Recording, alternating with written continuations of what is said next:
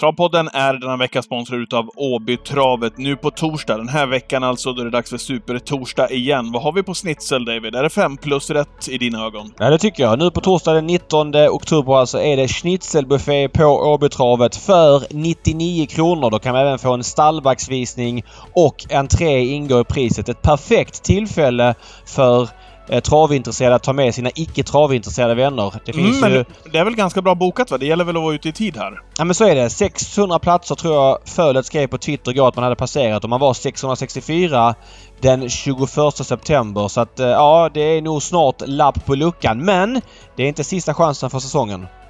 23 november smäller det igen, då är det supertorsdag. Då är det pizzabuffé. Schnitzelbuffé nu alltså, så följer man upp det med pizzabuffé den 23 november. Mm. Vi travintresserade har ett ansvar här att eh, ta med de icke invigna och då är det en perfekt dag man får väldigt mycket för en billig peng. Ja, men så är det, som du säger, det, sporten behöver inte alltid vara i Zenit. Det behöver inte alltid vara topp, toppsporten, utan det finns så mycket andra ingredienser på Åbytravet en sån här gång. Boka därför på åbytravet.se redan idag. Det kommer att bli slutsålt, så är det. Mm. Eh, vi säger helt enkelt tack till vår sponsor Åbytravet. Bli svensk seger eller vad är det frågan om? What the horse, what the driver! Välkomna till eh, Travpodden den här veckan. Välkomna säger vi, David. Eh, det gör vi. Man är ju lite lätt eh, stukad från helgen. Ja, det var det jag tänkte En- säga. Hur... Är du... Är du på sliten nivå, eller? Äh, men ma- man blir ju lite avtrubbad efter att ha sett en sån här helg med så mycket bra lopp. Eh, Det var ju rekord. var det? Rekord i Sverige eller var det rekord i Europa med prispengar? Jag, jag har inte riktigt fått det klart för mig. Rekord i Sverige var det till 100% i varje fall. Mm. På Solvalla i lördags. Det dessutom var det 28 miljoner i prispengar. Och när den dagen är över så blir jag lite pyspunka. Lite som efter en Elitloppshelg. Det är fullt normalt men eh, det finns väldigt mycket intryck att gå igenom. Jag såg din eh, story på Instagram, tror jag, när du anlände till kongressen där du sitter och avnjuter tävlingarna här i lördags. Eh, Mm. och jag märkte av hur den, den liksom verkligen speglade din pepp och entusiasm inför dagen, såklart. Levde dagen upp i stort till det du hade förväntat när du körde den där storyn? Ja men man har ju höga förväntningar och det, det är klart att allt kan ju inte leva upp. Det finns ju nyanser av vissa lopp blev kanske lite sämre än vad man eh, trodde och, och något kanske blev lite bättre så att lite svårt att säga men på det stora hela fick vi se väldigt många fina prestationer och många, ja men några, några sämre prestationer och stjärnor som tändes och Ja men bra sport, fantastisk sport. Alltså det, det säger man ju ofta att det är. Eh, Ordet bra sport är ju en klyscha men Ja, bättre sport än så här får vi ju knappast. Ja det kanske vi får såklart under Elitloppshelgen då men, men det är ja, jättegrym tävlingsdag. Ja, mycket att smälta. Jag tror Micke Nybrink eh, sa det i TVn, att jag har gått här på Solvalla i, vad sa han, 40 år kanske? Ish. Mm. Aldrig det- någonsin upplevt en eh, travdag av den sportsliga kvaliteten. Det är väl bara att skriva under på det, egentligen. Alltså, ja, det, där, det, det där man glömmer ju fort. Jag menar vadå? Bold Eagle när han vann jo, på men nu, nu, plockar du, nu 8-4. plockar du ur ett russin i kakan. Alltså, sett till helheten, sett till massan sport. Alltså, det kändes ju som att det bara, det bara rullade i ett. Nej. Man hann knappt andas ut. Eh, Mm, förrän Nej, om, det är, skulle- om det är Micke Nybrinks äh, minnesbild får det ju vara, stå för honom. ja, men jag så, skriver liksom. under på den också. Ja, och, och du kan också skriva under på det. För mig så, om jag ska summera tävlingsdagen, så har jag lämnat Solvalla och känt att vad fan var det jag fick säga idag? Eh, I större utsträckning än vad jag kände i lördags. Ja, ja. Det kan jag säga. När du har en sån här Bold Eagle-prestation i Ja, men huvudet, till exempel. ja. Ja. Till exempel. Mm. Ja. Ja, Så de, att, eh, de kommer ja. ju inte så ofta. Nej, så är det. Eh, ska, jag, jag har delat upp det här lite grann i rubriker. Tänkte att du skulle få fylla på lite grann med eh, kommentarer, känslor kring eh, rubrikerna. Ja, Känslor, men spännande. Lå, låt höra, låt höra. Mm, vi börjar såklart med eh, han som du har varit lite kritisk till, framförallt i den här podden, eh, och hans eh, icke eh, uteblivna framgångar, eller hans uteblivna framgångar under det här året. Timo Nurmos. Mm. Rubriken är Kung Nurmos, som vanligt under kriteriehelgen. Ja, och eh, det är ju ingenting oväntat i det. Om vi bara börjar i den änden i att man har varit kritisk så tycker jag man kan dela upp det i... Man måste kunna ha två tankar i huvudet samtidigt. Man kan ha gått och väntat på att Timo hade en riktigt bra kull på gång eh, under våren, eh, senvåren, tidig sommar och, och se fram emot att han skulle skörda rejält den här tävlingsdagen. Det har funnits liksom legat i pipen hur länge som helst.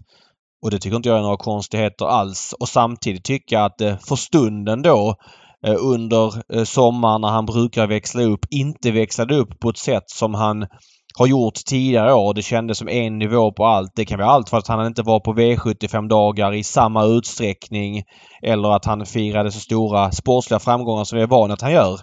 Och det tycker jag att jag skriver under fortsatt på och eh, jag hade ju jättehöga förväntningar på hans hästar till den här tävlingsdagen och ja, man får ju säga att även om de var höga så överträffades de. Att vinna dubben, kriteriet och Oaks, ja det är väldigt svårt men att då samtidigt ha trean i kriteriet också Eh, det är någon form av bedrift. Jag vet inte hur mycket han körde in. 8,4 miljoner tror jag det var i lördags. Och jag kan inte missminna mig att en travtränare kört in så mycket en tävlingsdag. Redén var ju etta, tvåa, trea i kriteriet förra året. Eh, och var tvåa i eh, det som var eh, den här finalen som Hail Mary var tvåa i när Brother Bill var så bra. Eh, men han nådde inte upp i det beloppet. Sen kan man ju då prata om bedrifter och jämföra på olika sätt. Men, men eh, det är helt enastående av Timo att göra så här och eh, ja som sagt lite väntat att det skulle bli hans dag. Ja, det Vad känner ju... du själv? Vad, vad, vad, liksom, Nej, men alltså att... man, man sitter där till slut och det är Timo Nurmo som spelar total huvudroll av kriteriet, framförallt på förhand. Då, när man pratar om Our Pride då, som har varit förhandsfavoriten eh, sen tidigt till slutsegern. Det är Fame and Glory som är utmanare. Eh, och så hade han också Mm. då Nori Di Quattro som vann övertygande ett utav försöken. Man sitter Mm. där alltså inför, inför kriteriet med de där tankarna till Nurmo som äger det fullständigt. Man sitter där inför Svensk Travox eh, Eh, med Granger och eh, Adriatica till exempel. Att, att, att, att, ha, att spela den huvudrollen inför är ju en sån otrolig bedrift och sen att resultaten faller ut som det gör, det är ju Ja, det är smått enastående. Han har alltså 35 i segerprocent nu, David. Han har kört in 24 miljoner kronor eh, hittills i år. Det är makalösa siffror. Han vinner mer än vart tredje lopp, Timo Nurmo, som travtränare. Ja, alltså 24 miljoner på 357 starter. Det är ju exceptionellt bra. Att jämföra då med hela fjolåret där han körde in 34 miljoner på 630 starter. Mm. Lite färre hästar i år. Eh, lite färre starter därmed. Det har inte funkat riktigt lika bra så att många hästar har ju knappt startat. Jag menar, var är Chiro? Var är Luleås Boko? Flera eh, Nurmos-hästar som har varit tongivande de sista åren har inte suttit still. De här Seismic Wave har ju bytt tränare och så vidare. Brother Bill har inte haft ett framgångsrikt år. Så att eh, saker har ju inte gått som på räls men den här dagen gjorde det verkligen det och som sagt 4 miljoner inkört med and Glory. 3 millar inkört med Adriatica. Mm. En mille med Our Pride. Bara det är 8 miljoner. Och sen har vi alltså ett eh, sjätte pris med Nordic Quattro. Det är 200 till. 240 med Granger som femma. Ivanka Muk 35. Isabel Cash 22. Kenneth Jackson 62. Ja, det är en rejäl slant inkört och det är bara att lyfta på hatten. Ja, eh, är inte hans upplägg också på något sätt unikt med tanke på att han har så få starter på många utav de hästarna som kommer ut i kriteriet? Alltså att hans upplägg är väldigt speciellt. Många kommer ju dit till och med med raka segrar i bagaget. Eh, de kan ha åkt på någon pump hit eller dit, men det är inte första gången som han levererar in Our Pride till exempel och även ehm, Fame and Glory nu med, eh, med, de här, med den här segerraderna de har bakom sig. Det är, det är rätt fascinerande faktiskt. Nej men så är det och frågan är vad prislappen är på att göra så här. För att Timo Nurmos är jättebra på att träna fram bra treåringar. Det, det har vi vetat jättelänge. Han alltså har vunnit kriteriet, är det åtta gånger på jag vet inte, vad kan det vara, 15 år. Han vann väl någon gång där i slutet på 00-talet med Marquis du Pomos. Sen har det bara rasslat till med, med flera segrar. Alltså det är en jättebedrift. Nu har då Redén vunnit kriteriet tre år i rad inför i år. Så det var ju ett tag sedan. Och innan det var, var han ju bärgaren med Power. Så det är ju ett litet tag sedan eh, han, han vann Timo. Men eh, alltså ha- Vad, vad, vad tänker det du med um, eh, priset han får betala? Eller man får betala? Ja men jag menar bara att, ja men till exempel and Glory gjorde väl sin sjunde start. Mm. Det är ju ändå han har ju vunnit kriteriet med hästar som gjort färre starter. Jag tror William hade gjort någon start färre och så vidare. Och Calgary Games slutade, eh, nu vet vi inte om han slutar tävla, men jag skulle bli extremt förvånad om han startar igen. Han Gjorde bara 11 starter i karriären. Eh, vann ju 10 av dem. Jag tror ju, eller är rädd för att Fame and Glory, nej sex starter har han gjort för Fame and Glory, förlåt. Han vann kriteriet i sin sjätte start. Det finns väl en risk att han går samma väg till mötes. Att Fame Glory... Nu äger ju inte Timo honom själv. Han ägs ju av Solvallas före detta eh, VD Stefan Lundborg. Stall Sofo. Jag gissar att det står för Salt of Folkungagatan. Eh, nej men alltså det finns väl en risk att han debuterar i juni för nästa år på Lindesberg och sen så vinner han ett Eskilstuna stora fyraåringstest och sen så gör han eh, en start, i, ja men derbykvalet, sen derbyt, sen en start efter. Ungefär, jag vet inte. Nej. Och jag vet inte, sen är det inte så givet att vi får se honom som femåring. Nej. Som det har sett ut sista åren. Eh, då tar jag ändå hästar som William som exempel. Ja, precis. Och, Calvin eh, det, det, det, exempel. med William där också, han hade väl typ 150 000 kronor på kontot när han kom in i kriteriet som... Han var väl favorit kanske till och med, va? Nej, det var han inte. Han var en av Eh, de mer han- betrodda i alla fall. Ja, det var han. Jag vet, kanske var favorit, men han spår 7 för han torskade sitt försök i alla fall. Ja, var, det var, Eh. mötte Koan Perdy och Verry Kronos och de där. Precis, Kronos hoppade. Men han var ju obesegrad. Han hade gjort fem starter, William, inför kriteriekvalet. Där var han tvåa i sitt försök. Han fick spö av Verry Kronos den dagen. Eh, Men sen vann han då finalen på barfotabalans.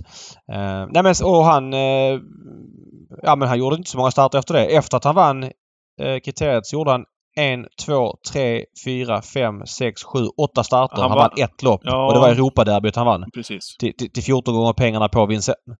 Så att... Eh, alltså allt kan hända med hästar. Eh, vi får se. Men jag menar bara på att Timo är ju jättevass på att få dem att vara bra just den här dagen. Mm. Så är det. Ehm, och sen vad som krävs för det? Jo, det är väl att man tränar hårt eh, och, och gnuggar hemma i jobben liksom. Medan andra tränare har en filosofi att man kanske startar lite mer och så vidare. Vi får se vad som händer med de här stjärnorna men det är bara att konstatera att and Glory som jag trodde väldigt mycket på inför loppet. Jag hade Ja, honom vem gjorde inte det? Ja, du gjorde det någon gång under dagen. Sen ändrade du dig. Vi, vi, vi kan komma till det senare. Ja. Men det är bara att konstatera att det är bland det bästa vi har sett i, i, i treåringsväg, i kriterieväg eh, någonsin. Som sagt, han vinner på 12,5. Banan var lite halvkladdig. Han vinner ganska enkelt och komfortabelt. Det, det är väl, står väl skrivet i stjärnorna hur bra den här hästen kan bli. Mm, mm. Det går inte att säga något annat tycker jag. Nej, och inte med den stammen heller då. Nej, precis. Som eh, samma mamma som Calgary Games. Han har ju dessutom Tactical Landing som pappa. Ja, Ridley Express är en väldigt bra avelshing såklart men Tactical Landing är ändå modernare så det känns nästan som att det finns en större höjd där och han hade en Hambo-vinnare i sin första kull. Eh, kommer inte ihåg vad den heter nu. Nancy Tactors häst. Tactical Approach heter den va? Så att det, det känns superintressant. Sen så måste vi prata lite om hur loppet blev kört. Det var ju snack om att R Pride skulle ta ledningen och det trodde jag väl kanske också men ändå Mm. att Fame Glory kanske skulle vara för bra. När det dök upp. Jag vet inte om du såg det men jag satt här natten eh, mellan, eller kvällen mellan fredag och lördag och pluggade V75 Nej, och så bara jag inte. blinkade till rött på uh, Fame Glory. Känslan var ju att Timo som inte anmälde en enda balansförändring på sina hästar i söndags när, när, lopp, när listorna kom. Att han hade liksom flera potentiella förändringar i, i bakfickan. Och de kom ju sent fredag kväll. Ja. Och då kände jag ju direkt oj, den här hästen kommer vara enorm eh, på söndag. Och, och det var han ju också. Nu blir ju loppet... Ja, det vart ju, det vart ju så här. Vad säger att- de om det helt enkelt? Nej, men vad ska Eh, man säga? Daniel Wäjerstens Kuiper blev ju alldeles för pigg efter laddning. Eh, blev ju Ja. faktiskt, med facit i hand, en löpförstörare. Ja, och jag snackade med, med och, efteråt. kort och gott så, så blev han ju det och, ja precis, jag gissar att han håller med. Ja men så är det. här. Jag pratade med Wäjersten som hade en, en bra lördag. Han vann ju med Dear Friend bland annat och, och, och körde in en hel del pengar. Men han var ju ändå bedrövad över det här resultatet ju. Han menar på att han har en häst som har varit ganska flegmatisk tidigare. Hade han vetat att det skulle bli den här effekten eh, av det helsänkta huvudlaget så hade han ju såklart inte gjort det. Samtidigt kände han, jag har spår 6. Jag kommer inte eh, komma framåt och, och ta någon ledning utan det kommer bli hängande och, och tvingas mest runt backa. Så han tog en chansning och det blev fel den här gången. Det, det är sånt som händer och Mm. ja, det var ju tråkigt för Magnus som inte kom Ja. till, till ledningen och fick bestämma. Men det är travtävlingar Ja. håller på med. Och det blev ju, Det- det... blev, loppet var ju rökt egentligen där för Our Pride. Eh, det som eh, utspelade sig därefteråt, när Björn kört till ledningen. Jag vet inte vad Magnus kände i det där läget, om han... Borde det inte ha varit initiativ som Magnus skulle tagit, eller hade det inte, hade det, inte det spelat någon roll i alla fall, sett slutplacering kanske? Ja, jag vet inte faktiskt där och då.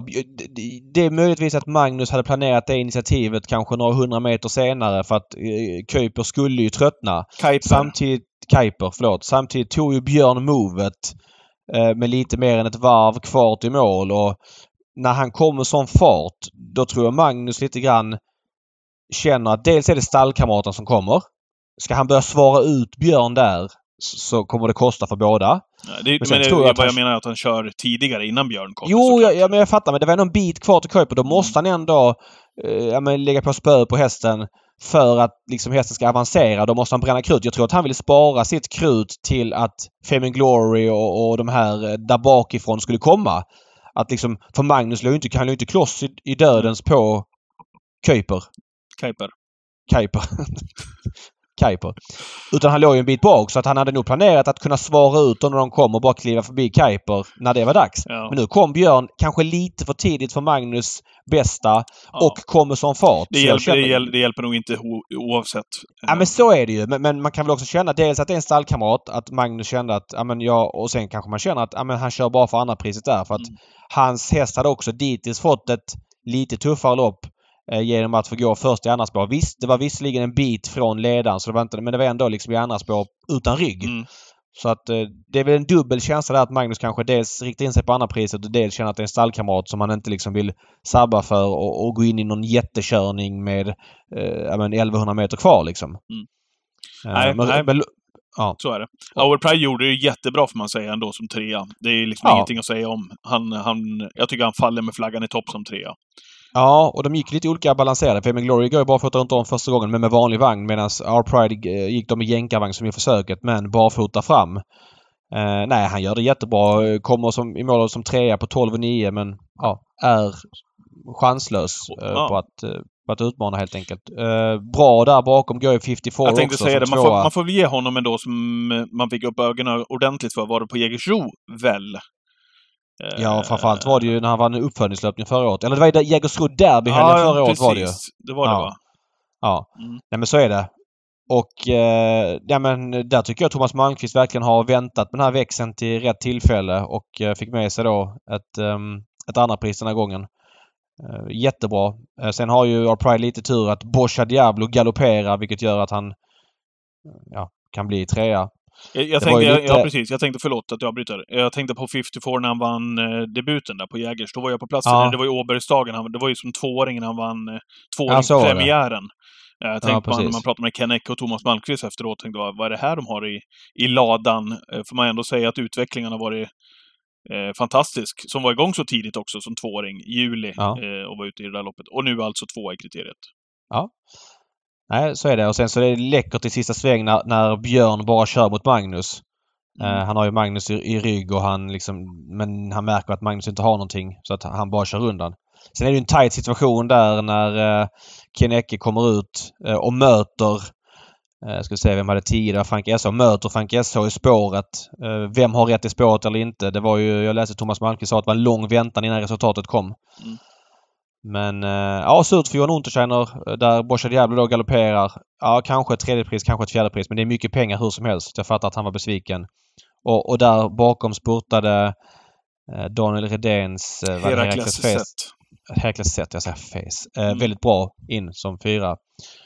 Ja, det var väl kriteriet det. Ja, det var det. Oaks gick ju till Nurmos också och Adriatica, eh, som inte fick något smörlopp. Jäklar Nej. vilken prestation det där är David, när man tittar om på loppet igen. Det känns ju också som hon är superslagen men går på totalskalle sista 200 meterna ungefär. Ja men verkligen. Hon får alltså tredje spår i, ja vad är det, 600-700 meter. Innan de kommer ner utvändigt om ja. ledaren. Så, och så är det ju aldrig någon som helst tillstymmelse till draghjälp. Nej, eh, de varvar på 13 och 1. Eh, Granger som redan i försöket varvade på en 15-tid men där var ju Mats tvungen att dra huvan. Jag fick lite tveksam feeling runt hennes skalle och nu kommer såna här grejer som du hatar men hon är efter Trickston. Jag är inte helt förvånad att hon inte har den vassaste skallen om det nu är det som är grejen. Eh, hon var ju framåt hela loppet också ska säga Grangers. Ja, det är en väldigt modell till häst. Men jag är inte förvånad alltså även om hon skaffar sig någon längd där sista sväng och Mats drog eh, huvan, ja men typ i utgången av sista sväng så kändes det ändå som att någon annan skulle hinna ikapp. Sen att det var Adriatica som hade fått den här inledningen, det, det kanske man inte såg framför sig. Men nej, hon var bara bäst, Adriatica. Eh, barfota runt om första gången. Eh, det gav verkligen en bra effekt. Eh, bra ut i banan, spurtade... Eh, vem är det som är två? Det är ju just det, det är ju... Nina Taboko gick ju fantastiskt. Robin, ja precis. Robin Butt. Som Mm. fick 135 000 i böter för felaktigt bruk av körspö och han blev avstängd x antal dagar. Jag läste på Sulkesport här nu eh, under morgonen att eh, Svensk Travsport inte var... De hade mer bestraffning till honom. Det, det räckte inte så bra. Eh, skärpt straff för bot. Det räckte inte med 135 000 i böter. Jag ska bara läsa här rakt upp för det här är så pass relevant och det är så pass mycket pengar. Eh, precis. Han har förlängd avstängning 28 oktober till 6 november. Uh, ja. Mm. Det, det, var en dyr bot för honom men han var ju tvåa och körde in, jag vet inte om det var premiechans eller om han fick med sig en och en halv mille som tvåa, så det finns lite pengar att ta av. Så är det. Ifrån det loppet också, Elegans Kronos bra som trea, såg ju jättefin ut uh, med till synes en del krafter kvar. Såg det ut som i alla fall, och så gick ju Dial Square hon satt väl sist i loppet väl och spurtade superbra som fyra. Granger, ja. som du sa, eh, gav sig från ledningen som femma. Eh, det som var anmärkningsvärt kanske, eller det var kanske inte så anmärkningsvärt egentligen när man såg på hur Adriatica såg ut, det var ju att Uffe Olsson satt ju i rygg på Adriatica hela vägen med Knicke Shisu. Men valde ja. att lämna den ryggen och så är det väl Björn Goop som kommer upp i samma position och blir trea med Elegans Kronos. Det kan man ja. ju tro att Knicke Shisu får en, en, en vettig prispeng, även om inte jag tyckte att de såg som bäst ut eh, under tävlingsdagen. Men det är en vettig prispeng som, som försvinner där. Men jag kan också förstå för det här också, för att det var inte direkt som man kände som att Adriatica skulle vara vinnaren efter den där resan hon hade fått fram i döden, så hon såg nästan ut att börja hänga i grejerna också, ganska så tidigt. Så att manövern i sig kan jag faktiskt förstå att han ja, såg det som att sitter vi här med facit i hand. Men när Uffe tar det beslutet, eh, ja vad blir det, 700 meter kvar. Ja, men jag säger det, det gått... känns ju vettigt att ja, han gör det. Nej. Med tanke på Adriaticas inledning. Ja, eh, jag, jag hänger inte honom för det. Sen kan man också säga, ska han vinna Oaks så ska han nog vinna genom att köra lite på chans någonstans. Nu väljer han att gå först i tredje sista, vad blir det, sista 800.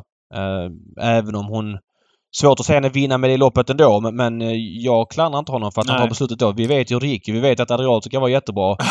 men man, man såg inte att de skulle gå på skalle på lösa tömmar de sista 300 nej, meterna. Nej, nej, verkligen. Alltså Magnus är på och drar grejerna tidigt så ja. det var ju inte sån här dödens Magnus-styrning där han sitter och myser bara Nej, eh, i svängen. Nej, då hade ju, då hade Uffe suttit kvar också såklart. Om ja. man hade sett ja. det kroppsspråket. Ja, fast, fast Uffe gick ju innan han såg det kroppsspråket som Magnus. Ja. Men, eh, men det är klart att det blir fel för Uffe. Men det är också lätt att ana och tro att Adriatica ska packa ihop efter den inledningen. Ja, där är vi. Hon borde där är vi överens. Absolut. Uh, yes. Ska vi ha... Vill du ha nästa rubrik, eller? Ja, kör! Just det, det var rubriker. Vi bara fastnade här. Ja, men vi fastnade i Kung Nurmos, så vi är kvar där fortfarande. Vi lämnar Kung Nurmos och går över på nästa rubrik som är Franska slakten i eliten. Ja. Uh, ja, igen. Ja, vad ska vi säga där? Eh, det är ju, det är väldigt många Du stångas som... ju på där och säger att vi svenskar är inget sämre i eliten. Ja, precis. Jag, jag tycker ju att det är mycket eh, slumpen som, som gör som har gjort det där. Eh, många vill ju hävda då att och hänvisar till Elitloppet att det har varit franska segrar nu två år i rad med Etonan och Önek. Önek vann nu före Go On Boy som kommer från ja. och, som vann före Eh, precis, Vivid Vaisas. Mm. Så det är ju Frankrike 1, 2, 3. Inte helt oväsentligt är det att de hade ju höga poäng i den här Grand Circuit eh, tabellen. Så de fick ju välja spår först. De hade ju 1, 2 mm. och 4. Jag menar om eh, San Motör eh, får Önex lopp så tror jag att han vinner loppet. Så, så kan jag säga i alla fall. Ja. Eh, så, så att det är väl inte en helt rättvis spegling. Jag menar återigen, vi har pratat om det där tidigare. Är svenska eliten sämre? Eh, man kan säkert hävda det och hänvisa till många olika saker men man kan inte hänvisa det till att Frankrike vunnit Elitloppet två år i rad. Det är ett extremt litet utfall och de har, det är inte så att de har varit helt överlägsna och stått i jättelåga odds utan bedömningen på förhand har ju varit att svenskarna haft en minst lika bra chans eller ännu bättre chans. Men Don Fanucci var jättefavorit förra året och i år eh, var ju inte Hönek någon av favoriterna heller även om det fanns andra franska hästar spelade. Så Nej, men... Samotör, var, eller, Samotör var ju favorit ska sägas i årets Elitloppsfinal. Så att då måste man ha mer data på ja. det tycker jag innan man börjar hävda att det, så är fallet. Om man kollar till Önex prestation som han eh, gjorde nu så sa ju du och jag i twitchen, vi fick väl ganska så mycket medhåll. Det var väl en, det, det surret som gick ändå han kan väl inte komma upp och prestera den här prestationen med tanke på hur han såg ut i starten innan. Förvisso med skor, preparé och att de är mästare på det i Frankrike. Men såg du verkligen att den där prestationen skulle komma efter att han var ju faktiskt tvärusel i genrepet. Han var tvärusel i comebacken senast, så är det. Samtidigt är det ju här en häst som man har ju fått känslan av att han är less på Vincennes. Han är less på... Ja, han är less på eh, Frankrike. Det ska sägas det. Loppet senast, det var ju inte Vincennes utan det var ju, var det Angan eller Kahn Nej? Le Mans tror jag. Le Mans. Men han gick ju med, med skor och vanlig vagn. Det ska sägas. Eh, nu var det ju bara fota runt om och jänkarvagn. Och det där loppet i kroppen. Men jag, jag får känslan att det här är en häst som lite grann... Han har fått väldigt många tuffa lopp i sitt liv. Han, eh, framförallt på Vincennes, jag kan tänka mig att han är inte jättekaxig när han går upp i, i backen och är först i tredje spår och så vidare. Sen känns han lite kanske, det fick man känslan av redan innan Elitloppet att 1000 metersbanan skulle passa honom. Han är rätt kvick, han är inte som en typisk fransman och Nej, så är han vidare. Och det har man fått rätt i. Men det är också en häst som, eh, hur ska jag uttrycka det, han mår nog extremt bra av att inte få press på vägen. Nu har han fått eh, dämpa då dels här, vad gick det? 11 och 9 på varvet tror jag det gick och även i Elitloppet gick det eh, långsamt och han har avslutat 06 sista fem båda gångerna. Alltså hans ben i sista sväng, det känns som att han har på att spri- att springa ut ur sin kropp. Alltså hästen är ju, snacka om att gå max Mm. och bara liksom flyga ifrån dem. Han borde väl vara här i Sverige och tävla? Det är lite det jag tycker. Men hans avelsvärde. Jag kan inte tänka mig att han är någon, kommer bli någon hingst som rent spontant. Han är efter Royal Dream först och främst. Det gör väl att han inte har Ready Cash-blodet. Det är väl lite intressant då eh, avelsmässigt på Hönek. Men jag kan inte... Känslan är att han borde vara het i Sverige för att han är startsnabb, eller ganska startsnabb, men framförallt så fungerar han väldigt bra när man skickar honom, man Ja, tar upp honom absolut. och så bara gasar man sista fem. Mm. Så körs ju många lopp i Sverige. Ehm, så Nej, jag håller med. det, det känns lite intressant av. Jag vet inte hur man tänker där och Allaire har många hingstar och, och allt Ja. det där. Men, just stammen på honom eh, med, med Royal Dream som, som pappa, ska säga, bara så jag säger rätt här nu. Eh, hur är det på... Nej förlåt! Ready Cash. Han är, Ready Cash är morfar till honom. Så han är rökt. Han är helt rökt från att ehm, från att kunna betäcka eh, Ready Cash-ston. Nej men då är han ju ännu mer blockad i Frankrike. Då är han inte lika intressant längre. Nej. Eh, Då borde han vara ganska intressant i Sverige sett till hur han har presterat. Men, eh, ja, men som sagt. Enastående häst. Ja. Eh, vaket kört utav Gelormini som fattade vad grejen var också. Ja, det är ju nästa loppet, grej ja, här. precis. Medan eh, kanske då Mathieu Abrivar, jag vet inte vad han pysslar med. nej, jag, jag, jag vet inte heller vad han pysslar med faktiskt. Vi pratar ju om hur bra de franska är men vi måste även fortsätta prata om vad vissa, vad vissa franska hästar, och nu råkar jag få på fel lopp där, vad vissa fr- franska kuskar håller på med. Ehm, det här Mm. loppet, alltså han tittar på starten igen, alla har sett loppet, men vad Mm. gör Mathieu Abrival första 100 meterna? Han sitter och tar upp sin häst och tittar ut på Stole the Show istället för att jobba med spöet och försöka få hästen att svara ledningen. Han är ju lika snabb som Önek ut ju. Utan uh, Gelomini får ju fart på Önek men då sitter ju bara Abrivard och myser och flyttar ut i andra spår och tar det lugnt och så vidare. Redan där känner man sig Nej, den, den, halvblåst. är, den, är, den, den blir ännu mer sjuk när man tittar på den nu. Eh, Ja. När vi sitter och pratar om det. För, Ja, för ja, det- de är liksom i stort sett jämsides efter 50 meter och det är inte så att Höneck har någon helt annan accelerationsförmåga än vad Wise har. Nej, nej, utan nej, nej, utan nej. att skicka han och ge lasset så... Ja. Ja. men det är ju det är ju stor sannolikhet att Vivid Wise Ass vinner loppet såklart. Ja. Eh, Eh, nej, men otroligt eh, sömnigt. Jag vet inte vad han pysslar med. Nej, och du går han först i tredje. Det får vi aldrig veta så enkelt som Önek vinner. Men jag har en känsla av att Önek med de här förutsättningarna ser lite bättre ut än vad han är om han inte får det. Jag tror att han är väldigt mentalt påverkad hästen. Vid ett tuffare lopp så är han nog mycket mindre sugen på att tävla. Eh, ja men han gör det helt okej vid Vaisar som tvåa. Gorm, eller som trea. Gorm Boy spurtar bra som, som eh, tvåa. Sen måste vi säga att där bakom i skymundan efter uppehåll kolla avslutningen som Samotör står för. Ja, men jag, jag sa Eh, att jag det- hade blicken på honom hela loppet. Mm. Varför hade du det? Ska vi ta det nu tycker du? Nej, vi tar den sen.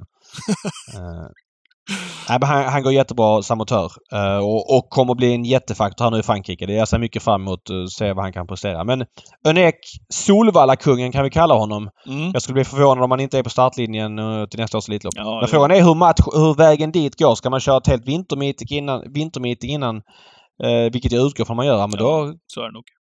då kan han nog vara ännu mer sliten mentalt till nästa vår. långt dit. Yes, så är det. Nästa rubrik. Mm. Familjen Colginis succé. Ja. Vet du hur mycket ehm, jag... Alltså, det är så sjukt det där. Jag har ju liksom ingen speciell relation till familjen Colgini. Eh, som vi, har, vi har pratat om det här tidigare också, när han var så glad när... När var det han hade så härliga känslor? Var det när han vann försöket till derbyt, va? Var det då han blev intervjuad, Ja, Lutfi? ja. Precis, då tog vi upp det här i podden. Jag har ju ingen speciell relation eh, till dem mer än att jag liksom, ja men känner dem genom jobbet och har varit på lite aktioner och surrat med dem såklart, både Adrian och Lutfi framförallt, genom Mm. åren. Men det är någonting som gör mig, nu när Anna var med också där, eh, Lutfis fru som liksom eh, är med i företaget och jobbar med uppfödningen och allt det här, när de fick vinna det här som, som gör någonting med mig faktiskt, David. Eh, Mm. Deras glädje, jag vet inte vad det är.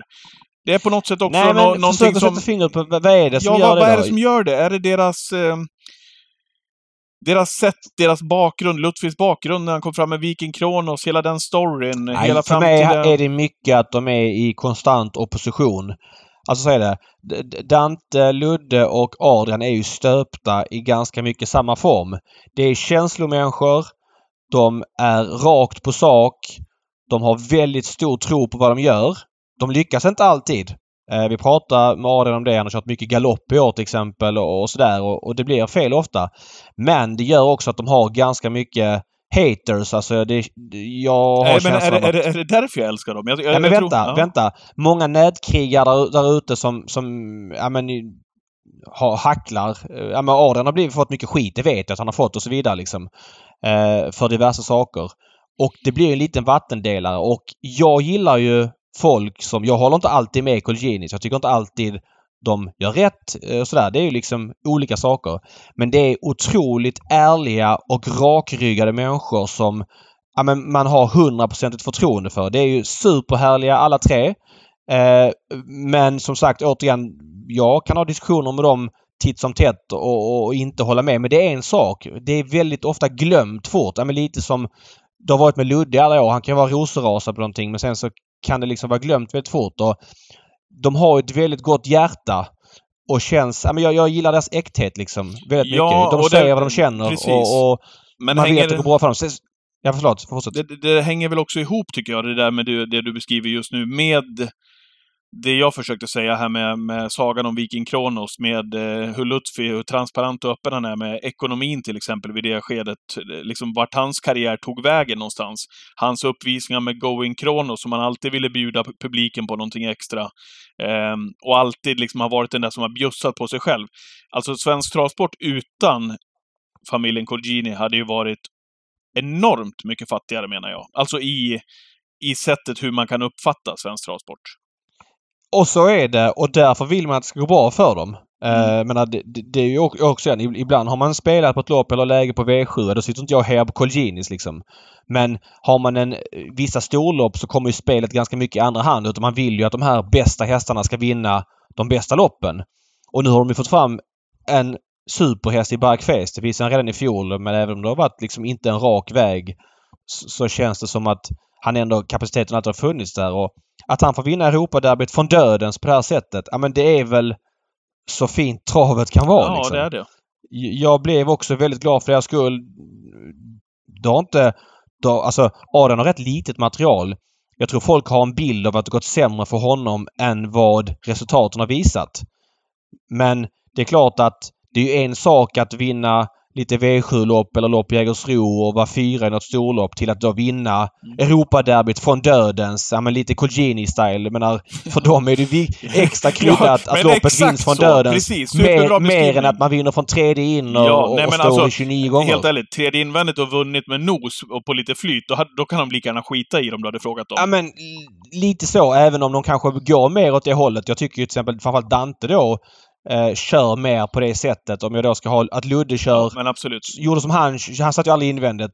Och, och Adrian kanske Nej, då, om, mitt om, emellan. om Needles and Pins kunde vinna med 150 meter istället för 25, så ville de Ja. ju vinna med 150. Ja men eh, ville Ludde göra det. Men så Ja. är ju inte Adrian tycker jag. Nej. Men, men jag tycker Dante håller på nu att utveckla sin egna stil eh, mer liksom och kör eh, jag menar, tar till det knepet mer. Men just när det gäller storlopp och en sån här stjärna liksom. Det är ju en jättegrej extra att han får vinna liksom från döden. Så är det ju. Ja. Och vi ska veta att det här är en häst som går med vanlig vagn. Mm. Nu hade han ju rycktussar eh, senast på honom. Men päronskor fram tror jag det är och, och sådär. Så att det är ju liksom inte någon maxad häst på någon vänster. Det finns ju väldigt mycket kvar i honom och det är klart att det här är en, en häst vi kommer att få se i den absoluta eliten i, i många år framöver. Jag pratade med Adam efter loppet och det blir inget mer start i år. Det blir inget Elitlopp nästa år. Utan man mullar nog igång lite Mm. nästa år. Jag gissar lite så här jubileumspokalen och kanske något, eh, något, något större lopp eh, gissar jag kanske. Eh, ish. Jämtland, ish Boden eller nu kanske det är långt att, att resa men du fattar den Ja, typen ja. av lopp. Absolut. Eh, och sen fokar man på, på Frankrike nästa vinter. Mm. Nu, Och sen eh, så kanske man tar Elitloppet eh, då som sexåring också. Ja, precis. Ja, men eh, bra summering David. Vi landar väl in Ja. där någonstans också, det, det jag började säga. Jag sitter ju inte och håller på Colginis på det viset inför loppet, utan Nej. liksom är ju mer fokad på min, på min V75-kupong. Nej men det var som vi Men, men ändå lopp- blir det lopp- någonting som blir så otroligt påtagligt när de får vinna. Ja, och, känner, och då, då känner jag så här att Ja, just det. Det var ju så här det ska vara. Det, det, det är så Ja. här det skulle bli. Och nu klev inte jag av på Bergface. Det var en helt okej vinnare för mig på V75. Men jag klev av på Bergface när han vann försöket på Åby. Då spikade den som brådde på allting. Och det är klart att man vill att en spik ska vinna. Kul att Johan Men- svarade igen, tycker jag, för racets skull. Han vill ju ha tävling utav det, men tror du att han släpper med Dense Brodde nästa gång? Jag tror Dense Brodde hatar att ha Barack Face i ögonvrån på höger sida nu. Ja, så är det ju. Han har fått packa ihop två gånger. Packa ihop är fel ord. Men han har fått stryk två gånger för ledningen. Han har ju inte varit tvåa utan han har ju ändå halvdalat. Han var väl fyra i försöket och var väl femma nu tror jag. Ehm, ja, vi får se den som brådde. Vi vet inte var han är på formkurvan. Han kommer kanske tillbaks. Men han har ju Mm. fått regelrätt stryk i varje fall av en bättre häst. Så enkelt är det. Joviality galopperade, det har, ju, har hon gjort. Det har hon väl inte gjort någon gång, va? Eller har hon det? Nej, jag vet inte om hon har gjort det. Inte i Sverige i alla fall, är känslan. Nej. Jag hoppar från start. Jag tror att, vad sa Erik i intervjun där? Hörde du den efteråt? Nej, jag gjorde inte det. Jag De gjorde torskintervju. Jag tror att han sa att han la på spöet. Det har han inte gjort Ja. tidigare och att om, möjligtvis att det var därför hon galopperade. Men Mm. det var ju synd att inte få se henne, tycker jag.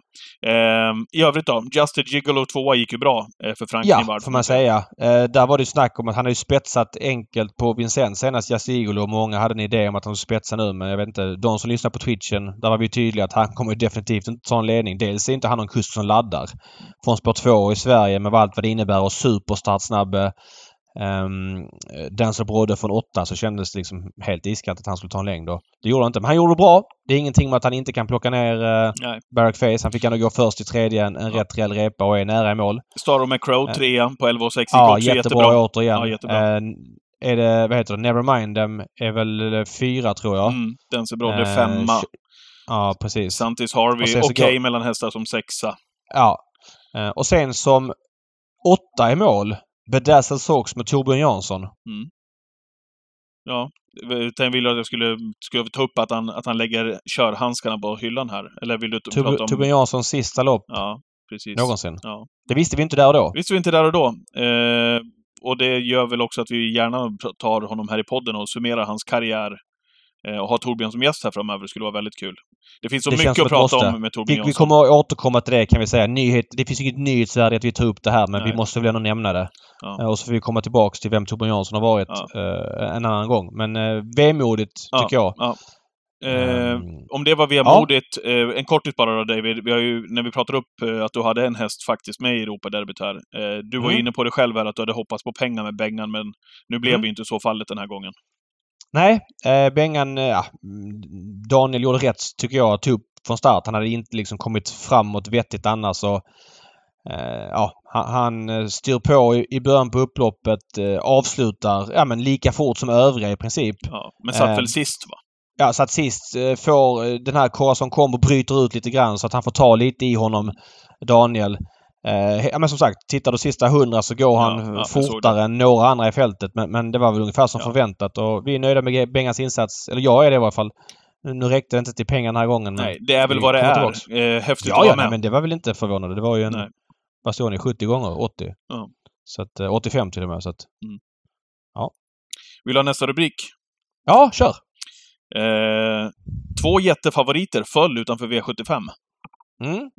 Eh, vi kan backa bandet Hanky till den här Pinkman som, och Lozano som, som började långt innan. Ja, alltså det var ju, det började då med Hanky Panky Pinkman som stod i 1,53 på toton som för övrigt kändes galet lågt. Eh, Efter, efter den här monsterprestationen han Ja. gjorde gången innan han var så het i ledningen och bara liksom Då- lämnade då- de övriga trots det. Redén har ju haft en lite tveksam form till och från eh, här under en period. Det har vunnits en del lopp fortsatt men det har inte varit den här höga nivån vi är vana vid. Och jag tittar ju på Pinkman med kikare noga och det är överlägset på plats. Jag, såg ju efter 300 meter att det här kommer aldrig gå för att det kändes som att han var väldigt stötig i travet. Örjan fick hålla honom och bära honom i svängarna och när han var en bit ner i kön så visste man att han kommer att avancera någon gång och han kommer inte ta någonting i tredje spår. Det kändes väldigt tufft för honom. Eh, det är inte som att jag räknade bort honom men känslan var att det skulle bli väldigt tufft och, det var inte ens nära för Henke Panke Pinkman. Han fick, fick det inte att stämma den här dagen. Eh, kom ändå mål på 12 och 4 men men eh, var en bit efter det, det, det säger lite grann vad man har för högt ställda förväntningar när du säger att han inte haft riktigt form. Eh, och det är klart, det är kanske inte den där topp-topp-formen. Men Neverminden var ju precis som du sa här, fyra.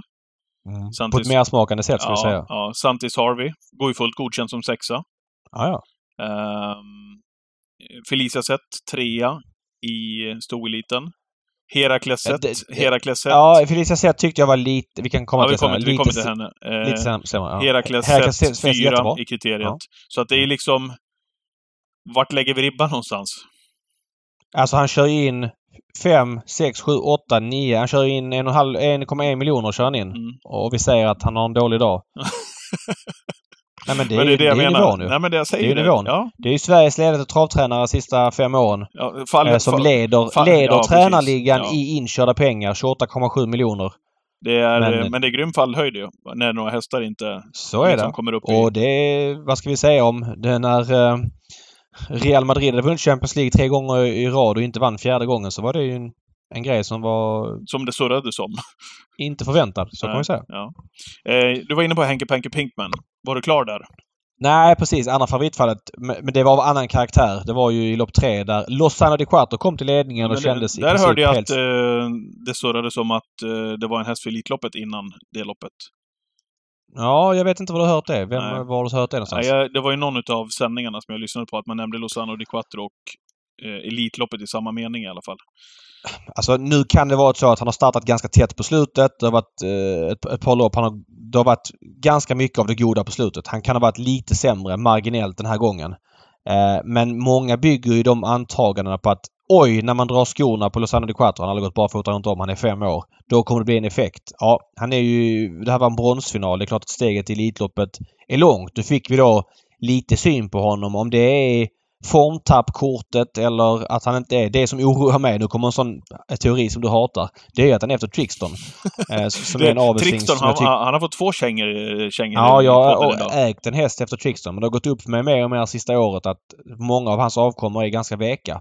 Sista biten. Nu, nu, vad har, nu, vad har alla behöver inte vara det. Vad har ni topp? Mr Hercules, vad har han, vad han lämnar mer? Ja, sen är det topp ner. Mr Hercules är ju... Och det, han är ju stenhård, Mr Hercules. Han har ju varit enormt bra med bra lopp. Mm. Uh, nej men det, det... Nej, du kanske har en poäng där. Jag, jag... Så kan det vara. Vi pratar ändå om en Hambo-vinnare.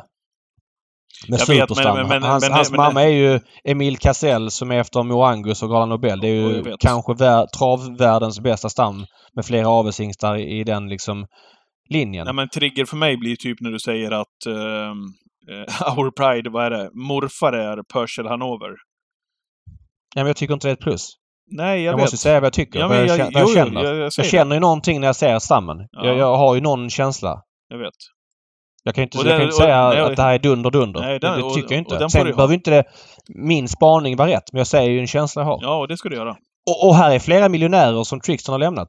Mm. Uh, det är inte liksom... Barbro Kronos är en jättebra häst. 4,4 miljoner. Och, och Laska Kronos och Golden Tricks som eh, Redén hade också va? Och, och, och Loaded Maria, Upper Face. Alltså det finns ju jättemånga fina hästar här. Mm. Men nu pratar vi Elitloppshästar ja, ja, eventuellt. Ja, ja, vi får se. Eh, jag säger inte att du har fel där. Det kan hända mycket med honom när man drar skorna och, och det handlar ju också om, när man pratar lite med honom, det är ju att han kommer underifrån. Det är det som är vinkeln med Trixton. Så att de som säger det, för det är ju kul att folk sticker ut hakan. Men det var ett fall, litet fall bakåt i lördags. Men vi måste bara säga någonting om hästen som vann. Demon. Mm. Jag vet inte eh, han är, han är, bra, han, han är bra när det funkar för honom. Demon gick 10 sista varvet i Dödens på Los Angeles Quattro. Det hade ju regnat precis innan. Han gick 11-4 från Dödens. Uh, det var en enorm prestation Demon och Genaro Castillo vann ju även uh, loppet efter med Cap Boventot Pax. Mm. Som Linus Lönn körde och vann till 25 gånger flasket. Han hade ställt i ordning kan man säga. Ja, då trodde man då att Callisto skulle vara klar i silver. Men han gjorde bra Callisto men han räckte inte till. Så att, ja. Ja, ehm, Dear Friend då, vad säger du om henne? ja, jag tycker att hon var enorm. Alltså, Jag det, tycker jag är, är, inte det, är inte det här en av de eh, de Ja, jag prestationerna jag eller de utvecklingskurvor som man inte kunde förutspå? Alltså att som fatt- du inte ens kunde se i spåkulan, David? Jag fattar ingenting. Nej. Jag fattar ingenting. Är det inte um, kortdistans, ledningen eller rygglopp och få spurta sista 200? Är inte det Dear Friend? Alltså, hon har ju varit hos bra tränare ju. Var hos Johan Untersteiner tidigare och var väl hos Bergan innan det tror jag. Att hon som tioåring äh, vinner på det här sättet från dödens på, på de här hästarna. Jag är extremt förvånad. Det är bara att lyfta på hatten. Vi hade ju känsla för att spikade i Twitch-sändningen ju. ja, men vi trodde att hon skulle komma till ledningen. till ledningen precis. Men det var ju chanslöst. Örjan är ju för bra där ju. Robert Berg, Johan Untersteiner, Marcus Amanda Höjne. Lindgren, Amanda Ja. Höjne och så till Daniel. Wäjersten. Och så till Daniel Mm. Wäjersten nu ja. Mm. ja. Otroligt alltså. Man försökte betäcka henne i våras med Hail Mary men hon tog sig inte så man lät henne tävla vidare. Hon har alltså blivit stentuff där hon liksom inte bryr sig Ja. om upplägg eller distans heller vad det verkar. Ja, alltså jag tror inte hon gör så många här lopp, såna här lopp i rad. Utan... Eh, Nej, men det var väl för några starter sedan hon gick utvändigt ledande och, och bara åkte undan också. ja, men jag menar, hon är i, guld över kort distans med framspår. Vem ska slå henne från dödens? Nej. I de här klasserna nu. När vi går in, det finns ju inte någon häst som gör det. Om hon, är, hon kan ju vara 90 procent om hon var i, i lördags och ändå ha toppchans från spets. Nej, helt, eh, man blir nästan mållös faktiskt. Det, Ja. det, det kan inte du se på ett tioårigt sto, nej.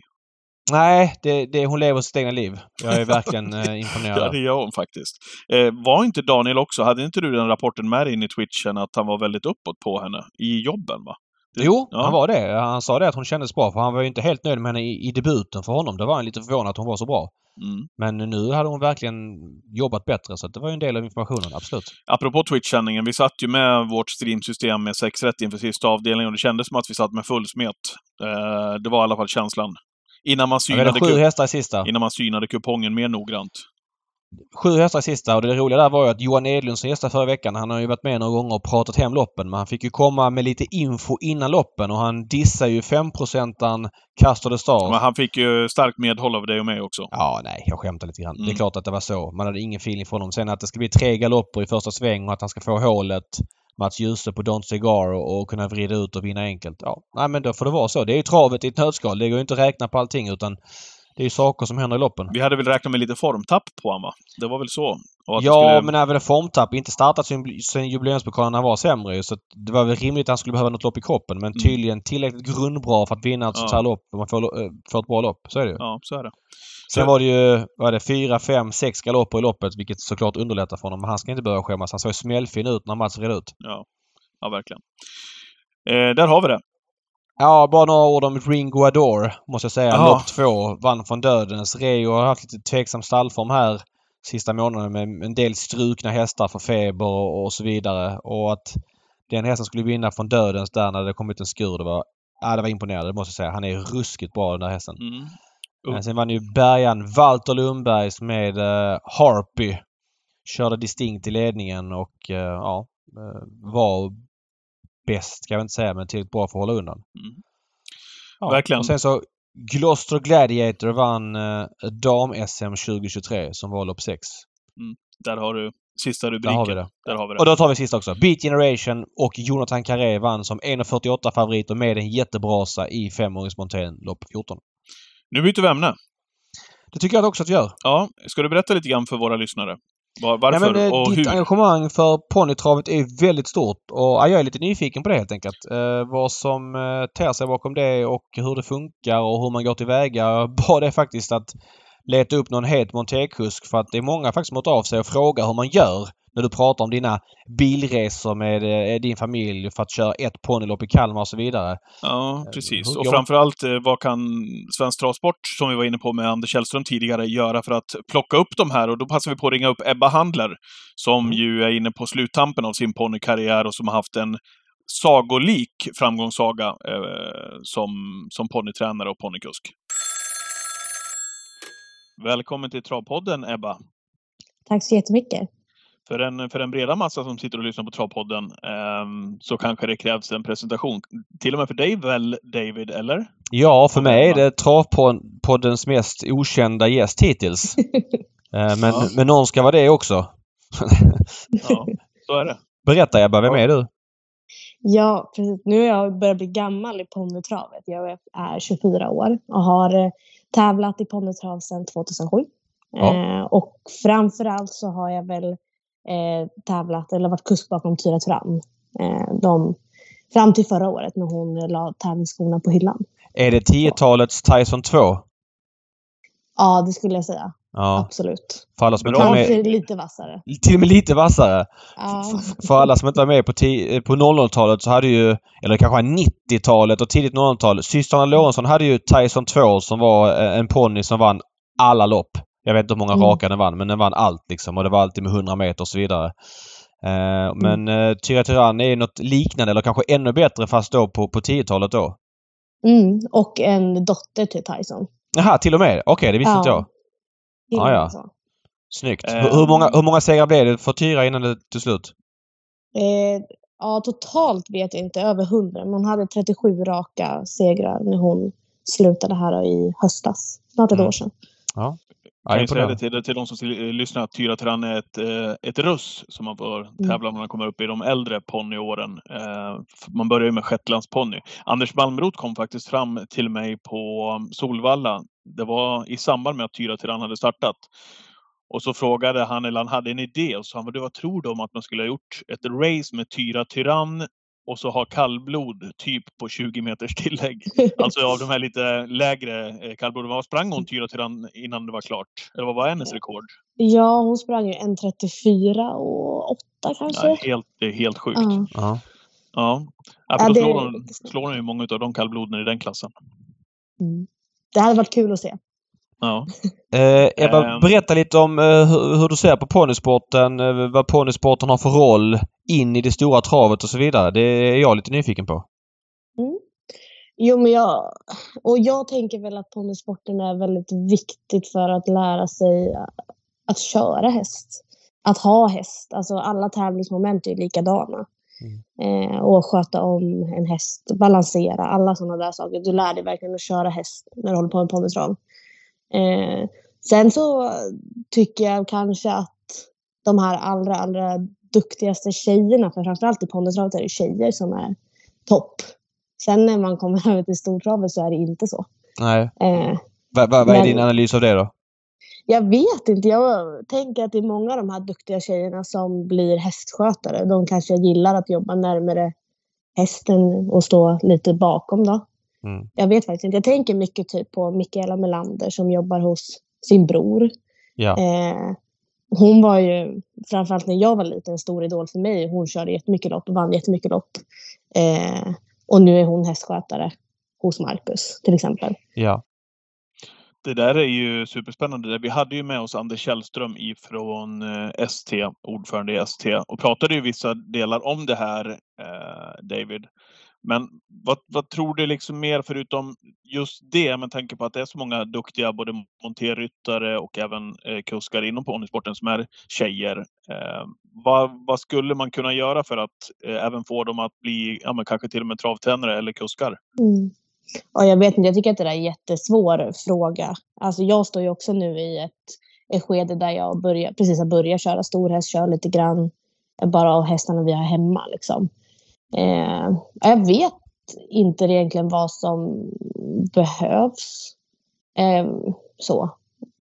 Mer än att man, alltså det kanske krävs mer av en tjej att visa framfötterna och få mer uppsittningar än vad det gör kanske för en kille. Jag vet faktiskt inte. Hur många aktiva är det inom ponnytravet idag? Alltså hur ser divisionerna ut? Vilka storlekar tävlar man inom och, och sådär? Det, det har jag dålig koll på.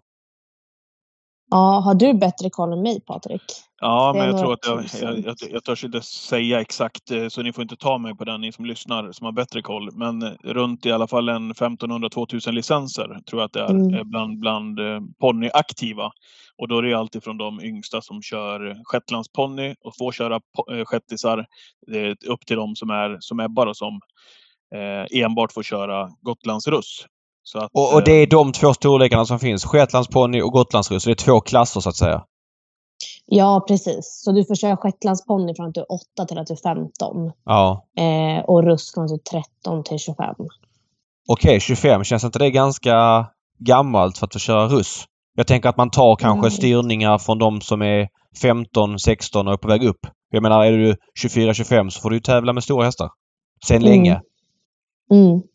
Ja, jag, alltså jag tror inte på samma sätt att det är utbrett med just catch drivers och köra åt andra på det sättet i ponnytrav som det är i stortravet.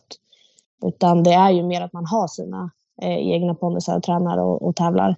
Fattar. Men sen så finns det absolut de, eh, framförallt så har vi några tränare som är äldre, som inte får tävla alls, som har både sjättisar och som låter andra eh, tävla då. Mm. Så. Det, måste jag faktiskt säga är en utav, jag som sitter i SPTF nu i, sedan något år tillbaka, här, eller ett år tillbaka. Eh, rätt fascinerande att det finns så många, Ebba, som du är inne på, som vill Mm. hålla ponnysporten och ungdomarna eh, intresserade och engagerade. Det vill säga att man kanske inte har egna barn som, Mm. kör, som kör shettisar, men man tränar så att andra ungdomar ska få chansen. Det är ju rätt häftigt egentligen. Mm, absolut.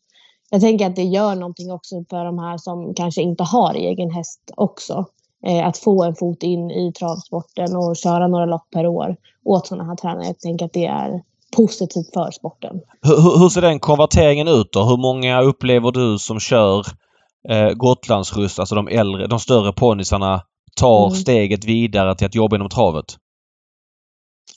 Och jag tänker att det är en brytpunkt kanske när man är typ mellan 18 och 20 någon gång.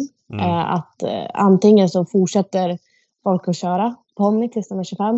Eller så där börjar de jobba i travstall eller går i travgymnasium, börjar jobba eh, och kanske köra stor häst. Och då hoppar man ofta ponny.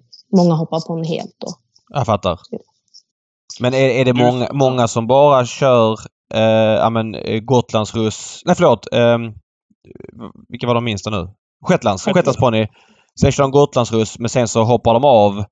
Alltså de fortsätter inte till stor häst utan de kanske håller på med ridning istället eller någon annan hästsport. Händer det i, i stor utsträckning?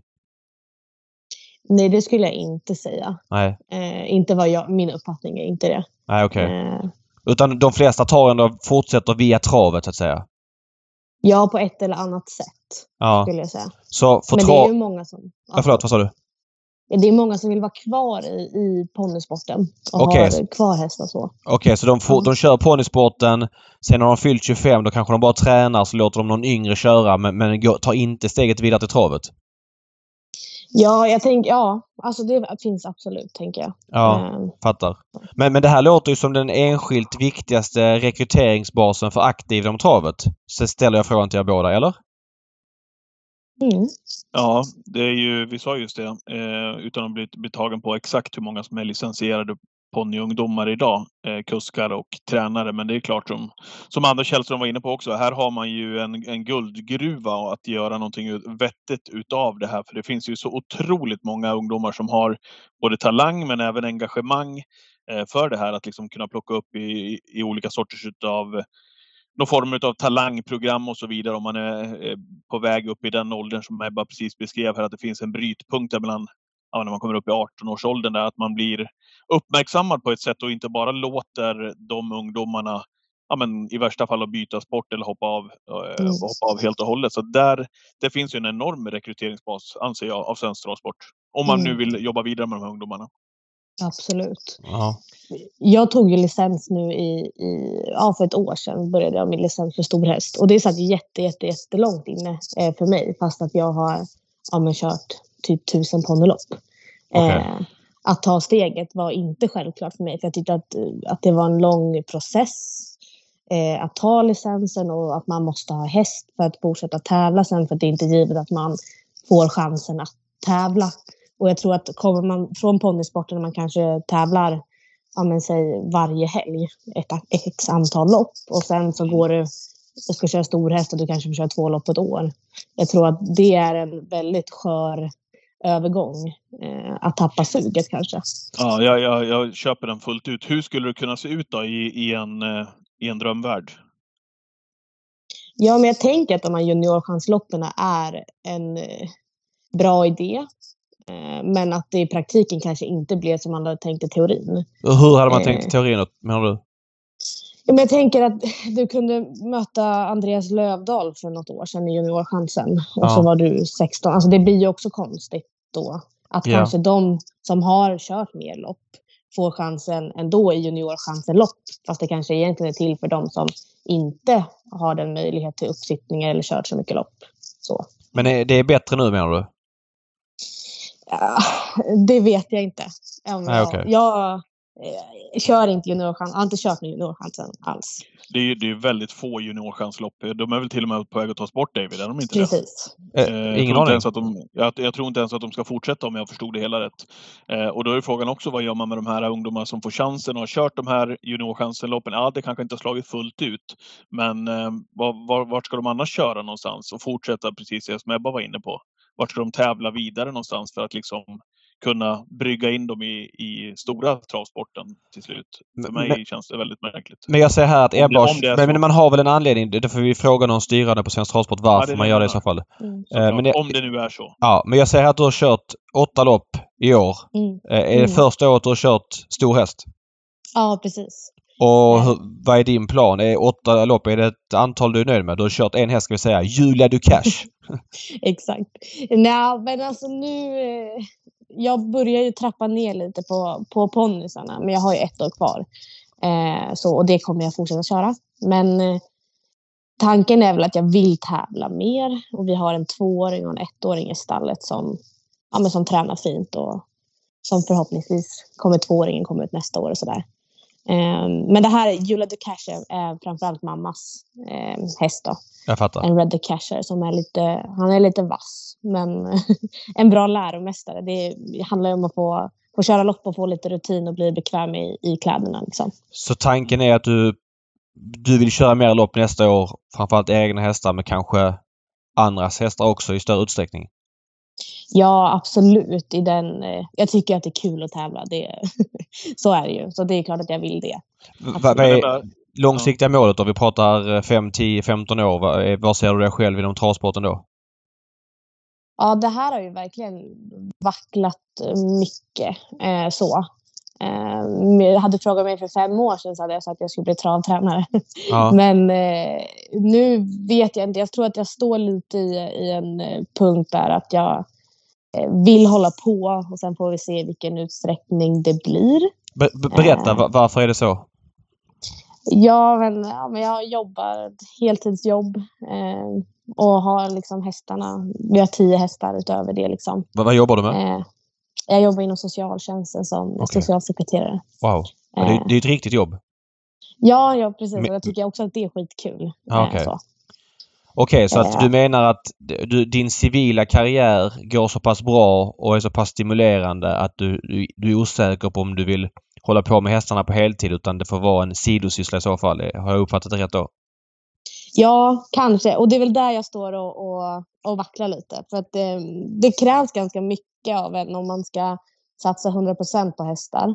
Mm. Eh, Det tar mycket tid och man får lägga mycket annat åt, åt sidan egentligen. Ja. Eh, och det är väl ett val som man måste vara 100% bekväm i att göra om man ska göra det. Så är, så är det. Nu har du ju den, den karriären vid sidan av travet också som du beskriver nu Mm. Ebba, vilket är en sak. Men jag känner ju spontant eh, orosignaler. Liksom när du som har varit en av frontfigurerna i ponnysporten under ganska så lång tid, kört Mm. Tyra Tyrann. Hur många storlopp har du vunnit till exempel? Och jag har vunnit allt, vissa flera gånger, allt förutom derbyt. Är det, är det, var det derbyt kvar då och, och Ja. bocka av? Ja. Mm. Eh, som har varit så framgångsrik inom ponnysporten, levt med ponnysporten och hästarna och alla de andra aktiva under så lång tid och ändå känner att när du kommer hit att nej, det är inte säkert att jag vill fortsätta med travsport. Mm. Är det någonting travsporten har misslyckats med där tycker du? Liksom att få dig och kanske många andra som går i samma tankar som dig att behålla dig i travsporten? Ja, alltså jag älskar ju travsport. Alltså jag lever ju och andas travsport, verkligen. Eh, men jag, det är en svår fråga för jag tänker att jag funderar lite på vad hade kunnat varit annorlunda. Ja. Det är väl kanske det. Det är väl just det här med eh, att gå från att också då vara, att det har gått bra i, i många år i, i, ponny och sen gå över till storhäst och på någonstans börja om från noll.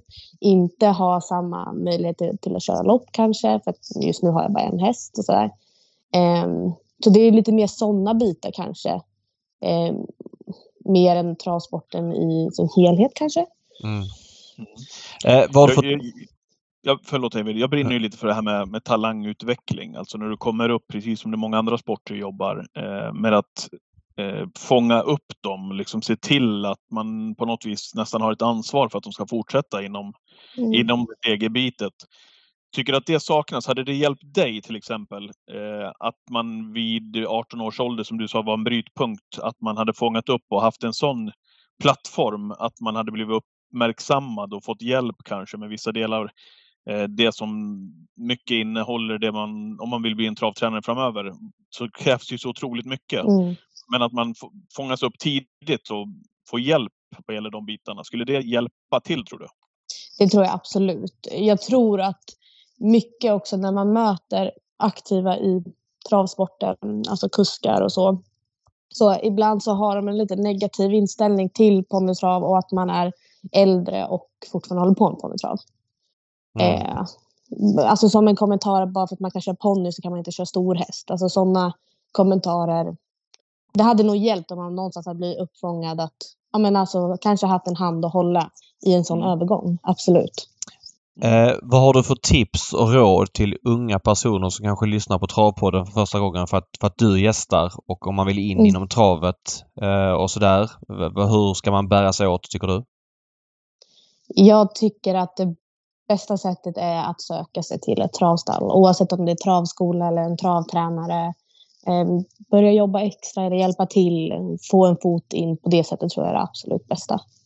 Det gjorde jag hos Lasse Thornberg på Jägersro 2002 i januari. Jag började jobba extra där på lördagar. Jag var ju inte mer än eh, 17 år eh, och ville liksom verkligen lära mig allt inom travet men... Jag såg att Thornberg hade ett talangprogram. Han ja, Lasse Thornberg hade ett talangprogram där jag blev försökskanin men jag åkte ut med huvudet före för jag var så totalt oduglig i, stallet. Ja, men faktiskt, det, jag gjorde exakt som du säger här. Jag ringde, min mamma var bekant med honom så jag ringde honom och sa att jag kommer liksom att praktisera på lördagar då.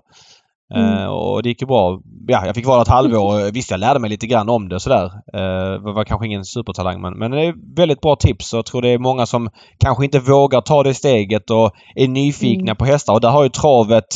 Alltså konkurrensen är ju enorm bland hästsporterna. Det är ju ridsporten framförallt då kanske som är den största konkurrent, konkurrenten till att mm. sno aktiva från travet. Och där är det viktigt att travet har många möjligheter för ja, men, unga personer som vill hålla på med hästar. Att travet liksom inte tappar alla dem till ridsporten och ja, mm. annan typ av sport. Utan att vi verkligen har kioskerna öppna som vi brukar säga och, och stallen öppna och, och sådär så att folk får komma och prova för att eh, ja, annars har vi ingen sport om inte folk mm. vill jobba med det där.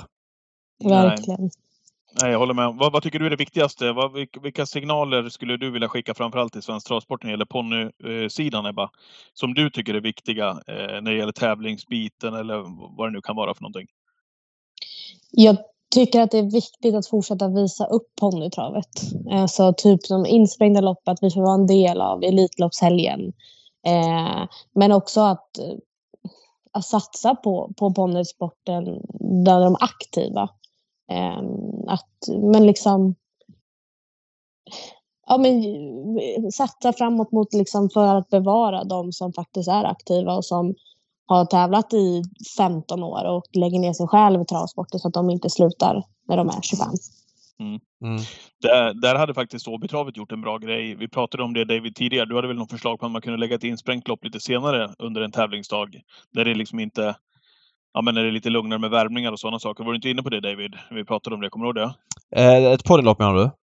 Ja, lite senare liksom insprängt bland de storloppen. Alltså till exempel mellan dagens dubbel pratade vi om, eller något liknande. Men ja. Eh, där, det, det, skulle kunna vara så. Eh, men där hade ju Åbytravet gjort en bra grej eh, på SM. Då hade man ju faktiskt ponny-SM för kategori A, shetlandsponnys. Alltså, jag tror att det var 25 minuter eller en halvtimme innan mm första riktiga, inom citationstecken, loppet gick på, på betravet. Vilket också gjorde då att de fick köra inför publik och, och sådana saker. Mm. Jag tror att de där bitarna är otroligt viktiga. Att man inte Ja. gömmer undan det där och, och sätter det två timmar innan, innan tävlings... Ja, men, men eh, där har ni en programmet jättepoäng. Jag kommer ihåg ju när man spelade hockey själv liksom. Eh, Man fick, eh, jag kommer ihåg MIF mötte Leksand eh, i, i Malmö isstadion och så fick man dela ut godis. i- 07. Nej, jag tror vi vann den matchen. Men skitsamma. Eh, Malaco var sponsorer så fick man kasta ut godis till folk i publiken då liksom. Och bara Mm. det gav ju en en blodad tand att eh, liksom, det var helt nersläckt i hallen om man åkte runt där och kastade Malaco-påsar.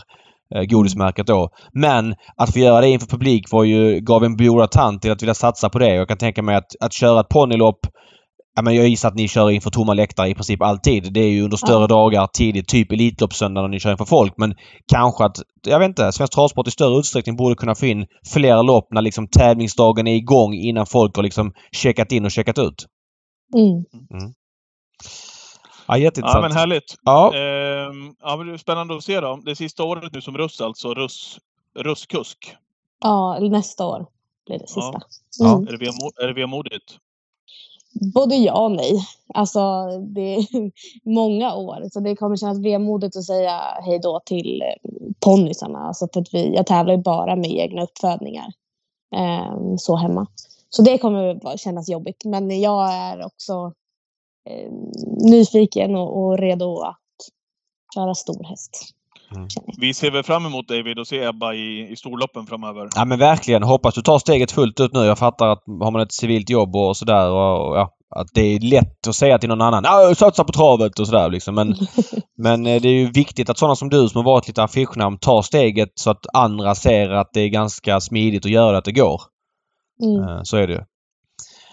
Ja, men stort tack Ebba. Jättetrevligt att prata med dig och höra lite om ponnysporten. Patriks stora investering tidsmässigt nu med sina döttrar. Framförallt yngsta dottern som han åker runt på ponnytrav. Han lägger ju mer pengar på, på, på det där och i tid och, och sådär än vad liksom många andra lägger på, på sig själv höll jag på att säga, på årsbasis. Så det, det, Ja. man får lite bättre förståelse när man hör någon aktiv som, som har lyckats väldigt bra inom den här sporten också. Ja, Mm. ja det, är, det är kul att höra. Eh, Ja. Det är bra Ebba. Hon har det som eh, en av sina förebilder. Hon har, jag tror Molly har kört 105 lopp i år. Så att eh, Jäklar. det, Ja. Det tickar på. Men det är viktigt att ha kvar dem i, i, i sporten sen, vill man ju också med. Så att eh, vi får, vi får ta med oss det här. Vi håller tummarna för dig Ebba framöver. Eh, kul att surra lite grann. Eh, så håller vi connection, är inte det du brukar säga det Ebba? Jo, så är det. Sköt om dig Ebba. Ha det bra. Ja, tack så mycket. Tack så mycket. Hej. Tack. Hej, hej, Hej. hej. Mm, härligt att få en liten inblick där. Den här podden eh, den görs av Gambling Cabin. På Spel och lekkontoret kan man också vara med och spela våra system. På onsdag, nu på onsdag, då är det V86 ifrån eh, Solvalla bland annat. Och då är Jägers. det Jägers. jackpot. Ja, Solvalla och Jägers ja. Ja, och det är ju helt sjukt den här oktober månad. Det var ju superjackpotten den 4 oktober som man så att säga samlade ihop till och då blev det jackpot på sexorna så gick över till förra veckan. Då, eftersom det var så hög omsättning i veckan innan så blev det ju eh, en bra jackpot till förra veckan. Och ja, ingen hade den. Vi hade den här pole position gaten vi pratade om förra veckans podd. Han brände som jättefavorit. Ingen hade den. Då var det 25 millar som gick över. 25,7 tror jag till morgondagen. Mm. Eh, och den är ju då alltså nästan lika stor som den var den 4 oktober. Så det är en Mm. supervärde det kommer vara på V86. Tror du jag har pluggat? Tror du V86-kungen har pluggat? Ja, det tror jag. Mm. Eh, det tror jag att du har gjort faktiskt. Mm. det utgår jag från att du har gjort. Men Spel och lekkontoret är alltså ATG-ombudet som det heter om man vill spela V86 eh, med oss. Jag brukar ligga lågt med V86 men det är Ja. svårt att undvika när det är sådana här superpotter. Då vill man ju vara med och hugga. Simon Helm förresten, som lägger spel på eh, Spel och lekkontoret, när han inte kör lopp ska sägas, med utropstecken Ja, han, han gör Han faktiskt satte den. Han, han satte den i lördags ja. Mm. Jävligt snyggt. Mm. Eh, återigen, han har ju satt den nu på kort tid två gånger. En lapp som snurrades tre gånger så det blev ju 450 i vinst ett, ungefär ish. Jag har inte räknat ihop exakt men Nej. eller näst, nästan lite mer tror jag. Ja, skitsamma. Ja, riktigt, han, riktigt kul. eh, han gör dock inget system imorgon på V86. Han kör på V86. Ja, så är det. Eh, sa jag att jag var V86-kung? Mm, det är du. V75-kung då?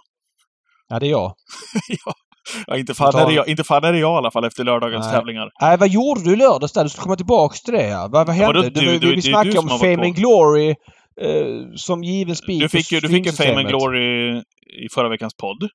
Mm. Det var väl så att vi trodde på honom, både du och jag och Johan va? Ja, men det växte fram för mig när det var barfota Ja, utom, det ska jag precis. erkänna. Ja. Så att, eh, ja. Eh, så den fick du ju klar där. Och så... Fick och fick. Nej, jag, jag kunde väl tänka själv ju. Ja, precis. Ja. Det var jag som ändå lobbade för honom i podden. Mm. Men jag vet och, och, och så hade vi informationen också att San Motör skulle köras defensivt av Björn och, och bara få gå till slut. Jag träffade Björn på auktionen på fredagen och bara, ja men han sa, ja men hästen känns Ja, jättebra. han var ju tydlig med det. Ja, ja, det blir passivt upplägg. Och det sa han i alla intervjuer också. Mm. Och det blev passivt upplägg. Ja, men- men det är väl klart, när man får en sån nyttig information då, att man har Fame and Glory klar, man har fått information från Björn att det blir passivt, han kommer köra till slut. Då är det väl självklart att man spikar San Motör och Our Pride. Mm. Ja, men du får berätta vad du tänkte. Det är ju helt sjukt. Du har 20 sekunder på dig. Ja, jag tror aldrig jag har gjort en sån helomvändning någonsin på ett spel, kort in på start.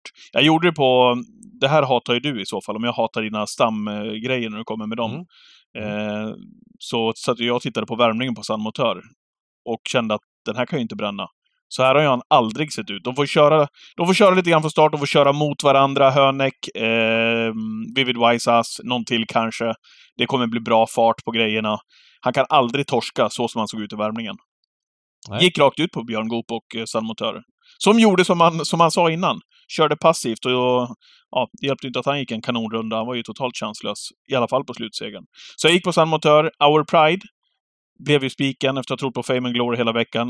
Eh, blev stupsäker på att Our Pride skulle komma till ledningen och tänkte att hur ska de kunna slå han därifrån? Magnus Djuse super uppåt verkligen. Alltså Mm. otroligt confident med uppgiften ifrån ledningen. Och trodde kanske inte heller han att Men- Fame and Glory skulle slå han utvändigt. Så om man nu hade tänkt sig det scenariot.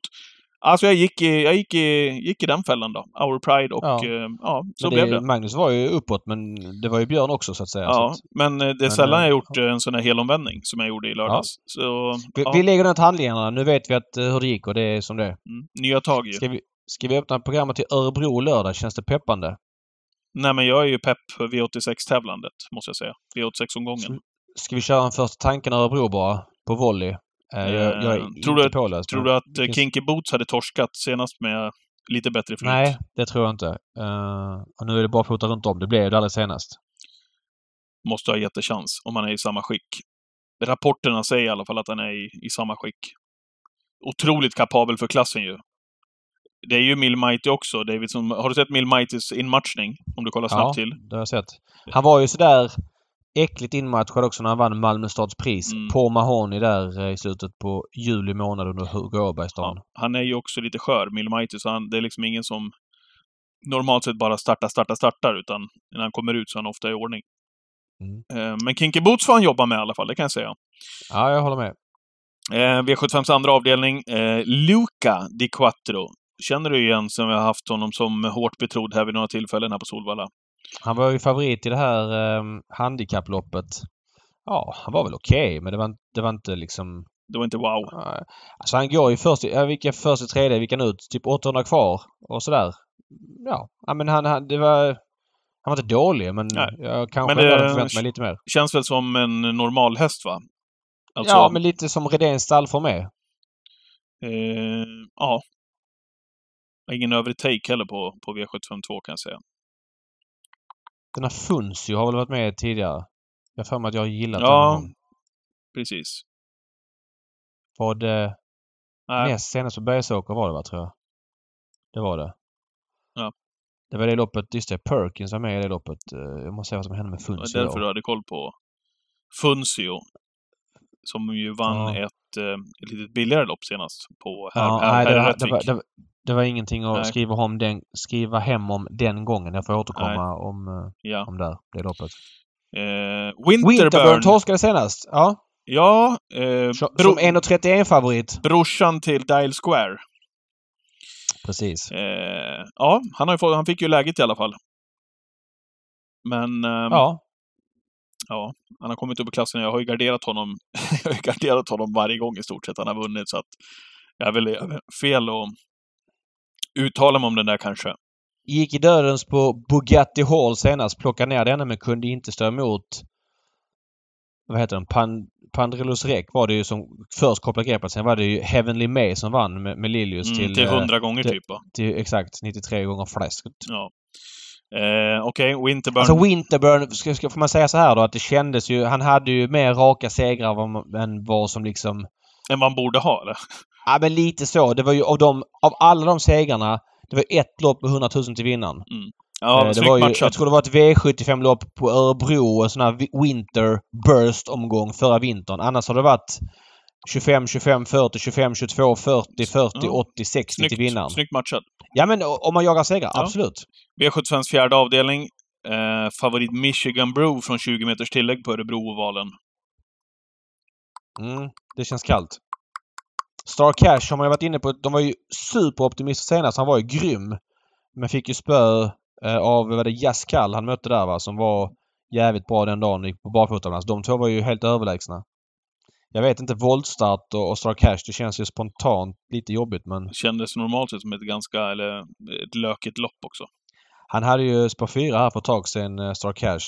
Då tog han inte travsteg i alla fall. Nej. Och, och en sån här rätt vräkig galopp så att eh, mm, det är nog inte så bra med spår 9 för honom. Michigan Brew får man ju ändå säga har man ju imponerats utav. Ja, verkligen. Han har ju varit verkligen. otroligt fin den här fyraåringen. Men det är lite en annan uppgift. Han var väl, han var väl ändå slagen utav Lozano Di Quattro i den senaste starten och slog några skapliga hästar. Du har ju noterat att Rapid Pal ska ut här. Alltså Jocke Lövgren har inte han varit otroligt anonym på slutet? Ja, kanske så. Han, han, hade ju inte en häst i start i lördags till exempel. Jag vet inte när Jocke Lövgren vann, vann något V75-lopp senast. Det känns som det har gått trögt ett tag. Ja, kanske. V75s femte avdelning. Eh, favorit Kapten Brodde från Nurmostall. För eh, Ready Tonight. Ja, Lövgren hade 13 millar inkört i fjol. Han är på 7,2 hittills i år. ja okej. Ja, det har gått sämre. Ready Tonight. Jäklar vad fin häst alltså. Ja, honom lirar ju rätt hårt i Elitloppshelgen. Han är spår 8. Mm. Eh, det kommer du ihåg tror jag. Jo tack. Roll Control var med i samma lopp. Då vann han mycket enkelt. Ehm, Kapten Jag Brodde inte är ju om- bra, men eh, ja. Ready Tonight drog ju, drog ju lotten i alla fall. Mm, så har vi Sayonara med i samma lopp också som hoppade i stoeliten senast. Mm. Det här är ju kul att hon... Det här är en rolig mix ju. Ja. När det blir så här att hon som stoeliten-häst går ner här Ja. i klass. Barbro, Erik Adielsson- Barbro Kronos också. Barbro Kronos också, precis. Mm. Måste kolla om hur de... Hur hon gick i lördags och sådär. Ja. Men Kapten Brodde, ja. Från spår 8, det känns ändå Mm. lite tufft att han ska vara favorit. Sjätte, sjätte, sjätte avdelningen har Björn koll på. Eh, för där skulle vi anmält, eller vi funderade på att anmäla Cigars Eagle Owl. Men Eh, vi valde annan uppgift åt henne. Hon har ju 2000 poäng, så hon hade kommit med. Men jag- då är man ju alltid nyfiken på vilka var det egentligen hon skulle ha fått mött. Mm, jag fattar. Eh, och då satt jag och gick igenom de här hästarna tidigt i söndags och har kikat på det här loppet lite extra. Det är väl inte, det är väl inte sådär super, supermaffigt gäng. Eh, Nine Points Bird är bra när hon funkar och går felfritt. Eh, Faisa Set från 20. Va- varför kör Örjan Queen och inte Faisa Set? Mm. Han måste ha lovat bort sig på Queen men eh, hur ofta lovar Örjan bort sig på hästar? Han, när Redén eventuellt kan anmäla någon? Ja, jag vet inte. Men den var ju märklig. Den är ju märklig. Den är märklig. Ja, det får man ju säga. Den får vi fiska i. Den får vi presentera ett svar i streamen på Ja, lördag. ja.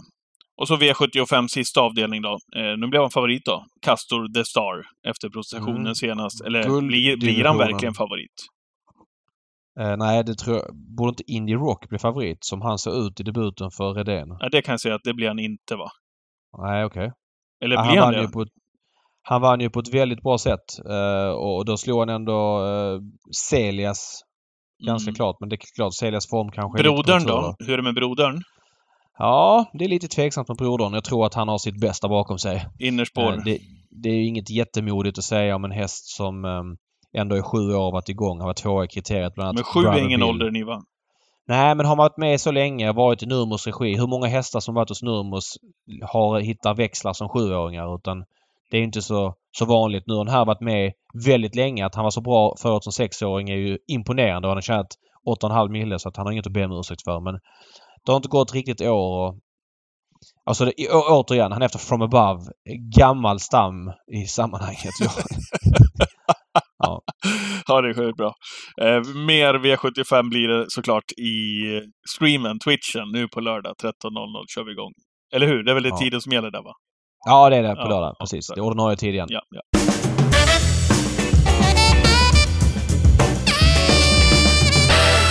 Veckans hiss och diss är det vi framme vid nu. Det är det sista som händer i den här podden innan vi är tillbaka nästa vecka igen. Och eh, du ska dissa, varsågod David. Jag är som en urvriden disktrasa kan jag säga det. Ja, Nej, jag, jag- jag, hör att du behöver ta din medicin här för att komma upp Ja. i, i, va- i varv här. Det är ju... ehm, jag, ska, jag ska också hissa. Jag börjar med hissa. Eh, jag vill hissa...